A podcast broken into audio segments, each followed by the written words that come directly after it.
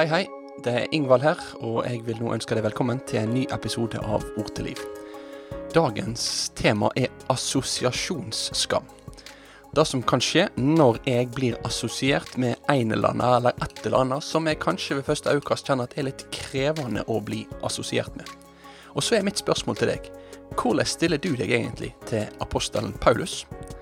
Dette kommer til å være tema for dagens podkast. Og en liten påminner helt til slutt er at førstkommende søndag, 7. mars, så har vi denne P7-aksjonen på P7 som jeg har nevnt tidligere. Hvis du har lyst til å være med og støtte P7 sitt arbeid, bl.a. med å produsere disse podkastene, så er du hjertelig velkommen til å vippse over ei gave til P7. Så er du med i trekningen av mange flotte gevinster. Ha en god dag videre.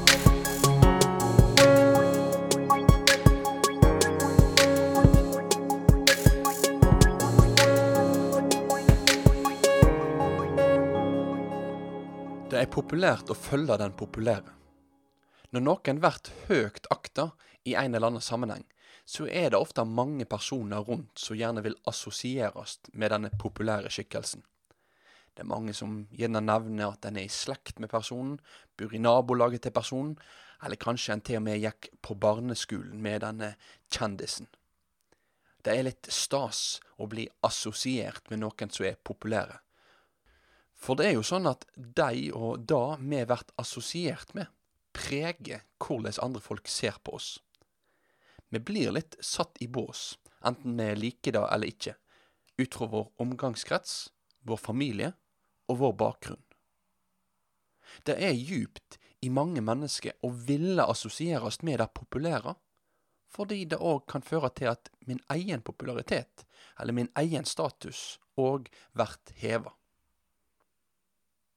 Men baksida med dette er at det er lite populært å følge den upopulære. Når lederen sin status falmer, så forsvinner tilhengerskaren ofte som dugg for solet. Når det assosieres med en person, kommer en sosial kostnad i stedet for en øka sosial status, så velger mange å trekke seg stille unna. I dagens Ord til liv-program så skal vi se at akkurat dette var noe av det som Paulus fikk oppleve mot slutten av sitt liv. Han opplevde at mange av de som hadde fulgt han tidligere, nå vendte han ryggen og ikke lenger ville ha noe med han å gjøre. Vi møter en dødsdømt fange, og mange har nå funnet ut at det ikke vil plasseres i bås med denne personen som keiser Nero så på som en kriminell som måtte drepes. Men fortsatt er det noen. Noen som er villig til å bære den skammen som det kunne medføre å assosiere seg med Paulus. Vi leser sammen fra 2. Timoteus brev, kapittel 1 og vers 15 til 18. Du veit at alle i Asia har vendt seg fra meg, og mellom dei er Fygelos og Hermogenes. Gjev Herren må vise miskunn mot huslyden til Onesiforos, for han har mange ganger satt mot i meg, og han skammer seg ikke over lenkjene mine. Nei, da han kom til Roma, leita han ivrig etter meg til han fant meg. Må Herren la han finne miskunn hos Herren på den store dagen. Hvor mye han har gjort i tjenesta si i Efesos, veit du best sjølv. Amen.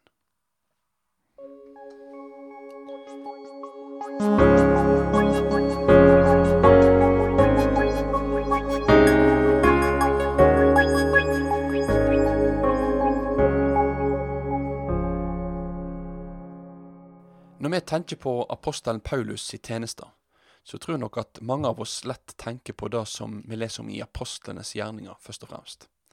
Der leser vi om de ulike misjonsreisene som Paulus fikk reise på. Og han reiser fra by til by, og på tross av mye motstand og forfølgelse, så ser vi at arbeidet hans gir store frukter. Ja, sjøl om det var sånn at mange reagerte negativt, var det òg mange som tok til seg budskapet. Og sånn var det absolutt. Paulus, hedningene sin apostel, Han var et mektig redskap som Gud brukte for å føre utallige mennesker til ei frelsende tro på Jesus Kristus. Men dette er ikke hele bildet av Paulus si tjeneste. Det er den samme Paulus som hadde opplevd at store flokker kom til tru, som nå mot slutten av livet sitt opplever at de fleste vender han ryggen. Folk sto ikke i kø utafor cella til Paulus for å benytte anledningen til å lage portrettintervju med han før det ble for seint. Paulus døde ikke som en populær skikkelse i Romerriket. Han var glemt og forlatt av de fleste. Ja, og av mange av de som tidligere hadde vært fascinert av han. Dette faktum her det dukker opp flere ganger i løpet av andre Timoteus brev. Her, i kapittel 1, så skriver Paulus at alle i Asia hadde vendt seg fra han, blant annet to personer som da heter Fygelos og Hermogenes. Asia henviser da til deler av dagens Tyrkia, der blant annet byen Efesos, som Timoteus var stasjonert i, ligger. Men det er ikke bare i Tyrkia at dette var realiteten. I Roma ser situasjonen ut til å være lignende. For mot slutten av brevet, i kapittel 4 av vers 14, så forteller Paulus at når han ble stilt for retten, så var det ingen som hjelpte han. Alle forlot han. Hovedbildet som blir malt opp for oss når det gjelder avslutningen av apostelen sitt liv, er at han er forlatt av de fleste, glemt av de fleste. At når det begynte å koste å høre på og forholde seg til apostelens lære, så var det mange som heller så at det var mer behagelig å leve et liv der de slapp å forholde seg til denne Paulus. Mange kunne være engasjert i starten, men etter hvert tok de avstand fra han. Jeg vil stille et spørsmål til deg, du som lytter til denne episoden her. Hvordan stiller du deg til apostelen Paulus? Kanskje kan du ha vært i en setting i livet ditt tidligere, der da å høre på det han sa, ja, høre på det som generelt står i Bibelen, egentlig ikke var så veldig upopulært. Kanskje heller tvert imot, det var det som var forventa. Kanskje du gikk på en bibelskole, eller var en del av et miljø der alle snakka om Bibelen som ei bok som var til å stole på. Og når eh, alle andre syntes at det var verdt å høre på det som sto i Bibelen, ja, så tenkte nå du at du ville gjøre det, du òg. Men så ble bibelskoleåret ferdig. Så kom studiehverdagen, arbeidslivet og et nytt nabolag, der Paulus i læra ikke var særlig populær lenger. Da da å tenke at disse gamle brevene skulle være autoritative, det blei sett litt ned på. Der konservative kristne ble sett på som et utskudd, som noen særinger, ja, kanskje til og med litt farlige på grunn av deres restriktive seksualetikk. I møte med en hverdag der majoritetsoppfatningen ikke vil se på Paulus sine ord som Guds autoritative ord, så koster det å stikke fram nakken. Forlater du apostelens ord når det koster å høre på han? Eller hører du på hans ord òg når det kommer en personlig og sosial kostnad for deg? Du og jeg, vi skal ikke være som Fygelos og Hermogenes, som stakk av når det kosta. Nei, vi skal heller la oss inspirere av Onesiforos, en mann som det vært sagt om at han ikke skammer seg over Paulus sine lenker. Tvert imot. I stedet for å distansere seg fra Paulus, så reiste han til Paulus i fengselet.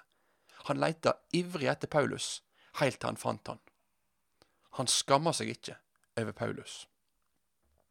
Og det er tydelig da at Onesiforos si støtte, den var av stor betydning for Paulus. Mens alle de andre var opptatt av å distansere seg fra apostelen, så var han Onesiforus en trygg og god venn som var der for Paulus i den fasen når alle andre svikta han. Kanskje han kan være et forbilde for deg og meg òg.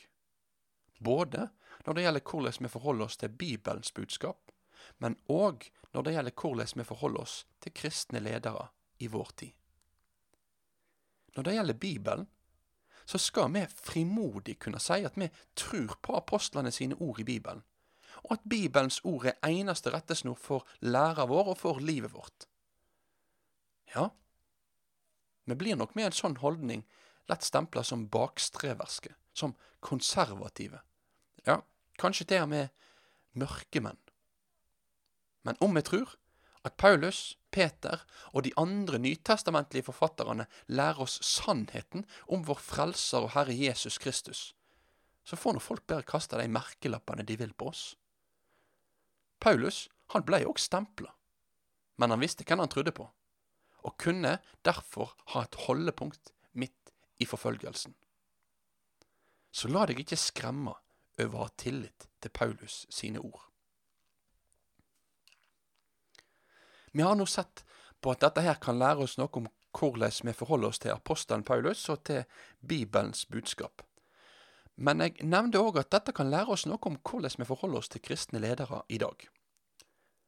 Når kristne ledere faller, eller bevisst fører forsamlingen bak lyset ved at de sjøl forlater den apostoliske læra som rettesnor for livet sitt, så skal vi sjølsagt kunne kritisere dette. Men når en kristenleder møter motbør for å si det som ser ut til å være i samsvar med det apostoliske vitnesbyrdet i Bibelen, hva gjør vi med det da? I presset fra omgivelsene så kan kristne kjenne seg lokka til å velge en litt sånn taktisk vei, som ved første øyekast ser litt snillere ut enn en fullstendig avstandstaking. En prøver seg på det jeg kaller politikervarianten, der en taler med delt tunge, der en prøver å tilfredsstille både kritikerne og samtidig være på godfot med den kristenlederen som er under kritikk. Og så kan en da eksempel i en sånn situasjon si ja, jeg syns jo ikke at det var en god måte å si det der på. Nei, han burde nok valgt litt andre ord der. Eller Ja, jeg er jo enig i saken, men, men veldig uenig i virkemidlet som er brukt her.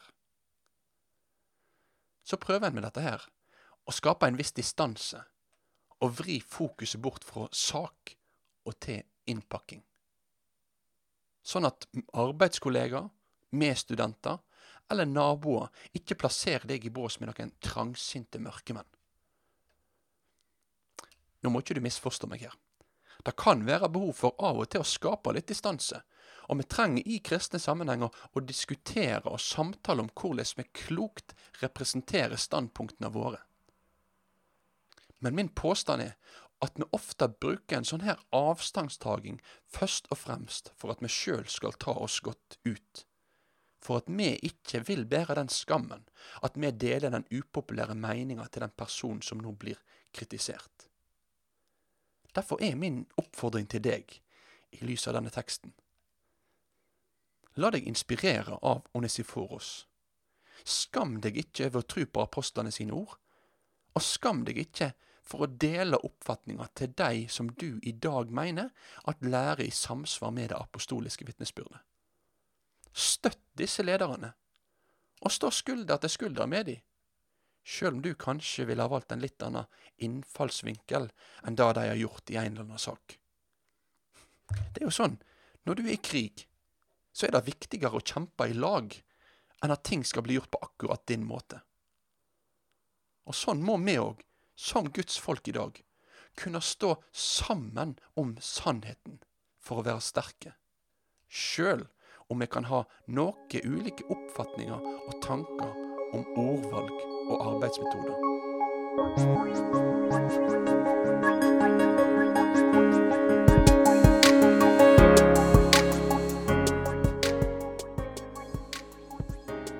Da sier jeg takk for at du valgte å få med deg denne Ord til liv-episoden.